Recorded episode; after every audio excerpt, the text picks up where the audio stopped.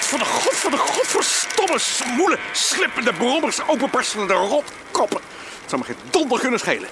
De troep laten liggen, rustig doorrijden voorbij de bocht, mijn jek uittrekken en onder mijn tas binden en s'avonds rustig naar de nieuwsberichten luisteren. Door een nog onbekende oorzaak zijn hedenmiddag op de oprit van de IJsselbrug tussen Arnhem en Westervoort twee bronfietsers om het leven gekomen. De politie stelt een onderzoek in. Niemand zou vermoeden dat daar een eerzaam burger achter zat met een perfect alibi. Want wat had hij op de IJsselbrug bij Westervoort van doen... als hij van een zakende gesprek met de burgemeester van Gent kwam... over zoiets belangrijks als de uitgave van de verhalen... verzameld door de oude zieke heer Stinnissen.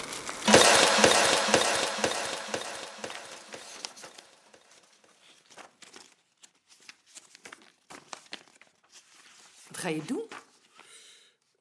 Ik ga die lezing over de wieg maken. Die lezing over de wieg maken?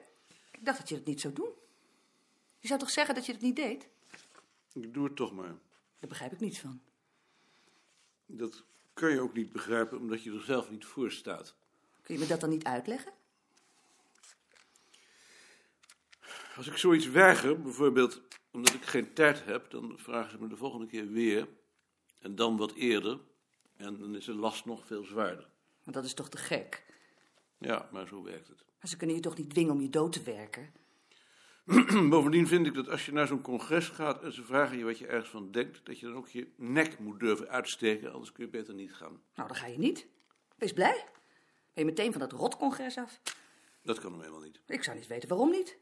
Waarom zou dat niet kunnen? Maarten, ik vraag je wat.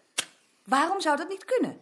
Omdat het mijn werk is en laat me alsjeblieft met rust. Wel, nou, nog mooier. Ha, ik zou nog kwaad worden ook. Terwijl ik me alleen maar ongerust maak. Dat is helemaal het einde. Dat je nog kwaad wordt ook. Maar waar heb ik dat aan verdiend? Je hoeft je niet ongerust te maken. Maar ik mag me toch zeker wel ongerust maken? Je verbiedt me toch niet om me ongerust te maken? Zo gek is dat toch niet, dat ik me ongerust maak als je op zaterdag al zit te werken? Vroeger werkte je nooit het weekend. Kun je dan niet eens één dag niet werken? Het mag toch wel één dag duren, zo'n weekend? Morgen zul je ook wel weer voor het bureau zitten te werken. Is zes dagen in de week dan niet genoeg?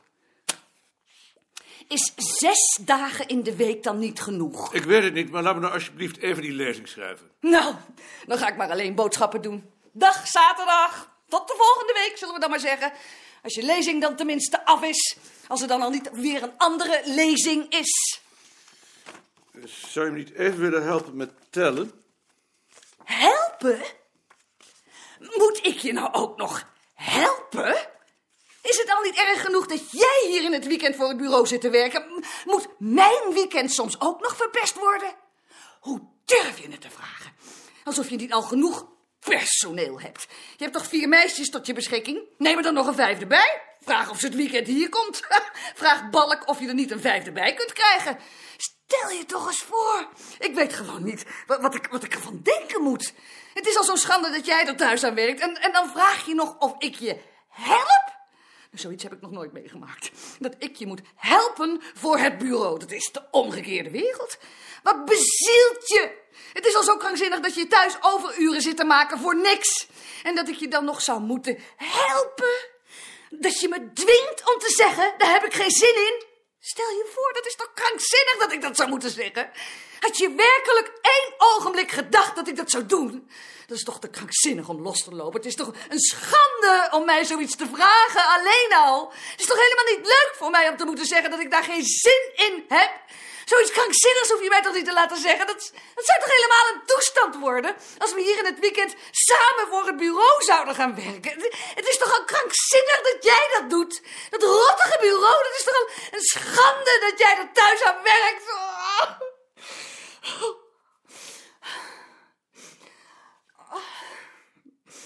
Ze begrijpt het eenvoudig niet.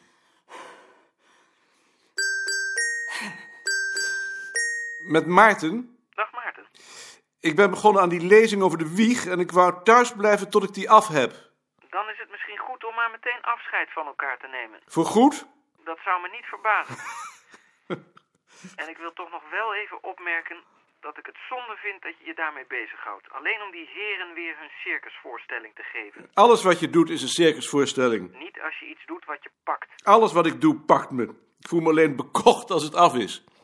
Toch vind ik dat je het zou moeten weigeren. Goed. Zou je me nou Tjitske nog even willen geven? Ik wou haar vragen om me wat boeken en fiches te brengen. Eh, dan moet ik de witte knop indrukken. En dan haar nummer draaien. En dan moet zij de witte knop ook indrukken. Even kijken hoor. De witte knop indrukken. Dag Maarten. Eh, met Maarten. Ik blijf thuis om die lezing over de wieg te maken. Zou jij in de loop van de dag tijd hebben om me wat fiches en wat boeken te brengen? Want het zou wel gaan. Wat voor boeken moeten dat zijn? Zal ik je nu helpen met tellen? Nee, dat hoeft niet. Waarom niet? Ik bied het nu toch aan? Maar het hoeft echt niet. En je vroeg het. Ja, maar het is niet nodig. Waarom vroeg je het dan? Het was meer omdat ik steun zocht, denk ik.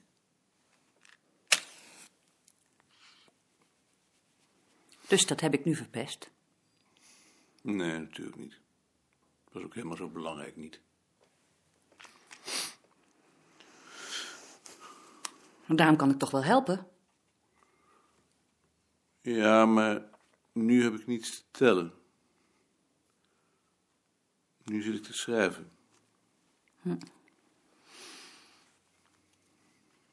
Maar zul je het dan wel zeggen?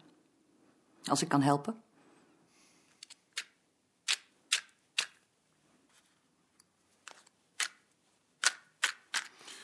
Ja, dan zou ik het zeggen. Want je weet best dat ik je helpen wil. Dat zei ik maar, dat ik dat niet wou. Weet je toch wel, hè? Ja, dat weet ik. Dat was niet lief. Ach. Niet lief. Nee. Dat was niet lief. Ik ben geen lief mens.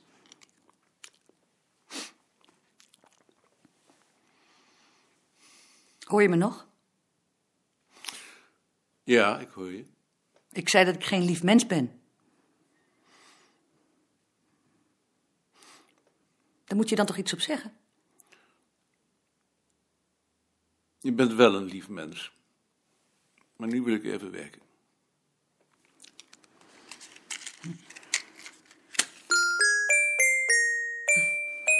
Dag, Tjitske. Hallo? Was het niet te zwaar? Nee hoor. Blijf je niet even een kop thee drinken? Ja. Nou, ga maar ergens zitten. Schiet je op? Langzaam. De moeilijkheid is dat de vragen in de tijd verkeerd gesteld zijn, zodat je het proces van verdringing van de schommelwieg door de staande wieg en later door de kinderwagen niet kunt volgen. Ik ga daar wat van zeggen. In wat voor wieg heb jij gelegen? Dat weet ik niet. Wat was je vader toen jij geboren werd? Werkloos. De vader van Tjitske was ook werkloos. Oh ja? Mijn vader ook. Maar dat was in 1946? Ja. Nee, mijn vader in de crisisjaren. Later is hij conciërge geworden. Toen zijn we ook naar Drachten verhuisd. Nee, mijn vader was bouwkundig tekenaar. Daarom heeft Nicolien nog altijd de pest aan mensen met een hoge positie, zoals mijn vader. Omdat haar vader werkeloos geweest is. Ik heb niet de pest aan je vader. Terwijl mijn grootvader bakker was en haar grootvader een schildersbedrijf met 200 man personeel had en op de beurs speculeerde. Wat was jouw grootvader? Boerenarbeider. En de andere? Dat, dat weten ze niet. Turfgraver, denk ik. De vader van je moeder. Nee, van mijn vader. Dus je grootmoeder heette Van den Akker. Interessant. Dan zou je nog best in een schommelwieg gelegen kunnen hebben, want de schommelwieg heeft zich het langst gehandhaafd aan de sociale periferie. Of anders in een kistje. Dat zou je toch nog eens aan je moeder moeten vragen. Nou, dan vind je het zeker ontzettend patserig zoals wij hier wonen. Nee, ik kan daar wel tegen. Je kunt de zon wel in het water zien schijnen. Wil je suiker en melk in je thee?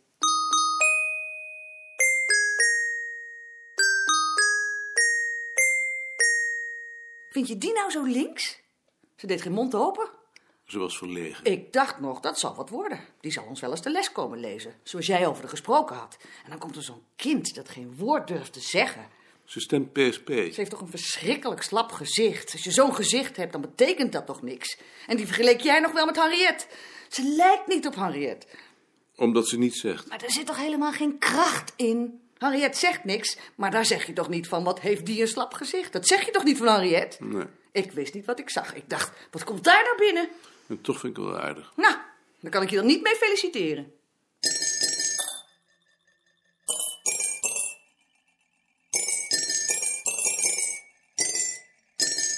Hier, daar heb jij ook wat.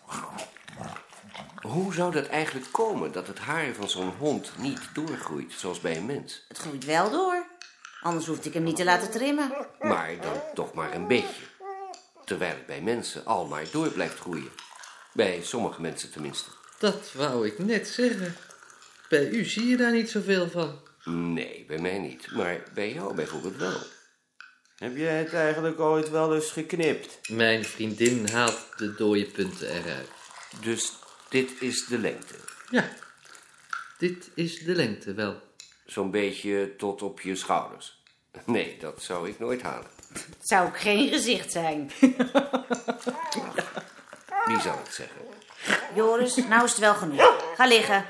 Ga liggen, zeg ik je. En hoe is het dan te verklaren, denken jullie, dat sommige vrouwen zulk lang haar hebben dat ze erop kunnen zitten? Dat ze niet lang zijn. Hoezo? Dan moet het nog langer zijn. Oh, het is een grapje. Volgens Desmond Morris is dat nog uit de tijd dat ze in het water leefde. In de zee. Oh, is dat het? Maar mannen leefden dan toch ook in de zee? Of die niet? Vrouwen moesten hun kinderen vasthouden. Hij zegt toch ook dat je daarom meer kale mannen dan kale vrouwen hebt? Maar die kinderen hielden zich toch vast aan hun vacht? Het haar op hun hoofd was om op te drijven. Je hebt dus vacht en je hebt haar. Nee, dan begrijp ik het. Eh, Nou begrijp ik ook waarom wat ik nog aan vacht op mijn lichaam heb niet groeit. Is je lezing af? Alleen het slot nog. Ik heb wel een slot, maar dat bevalt me niet.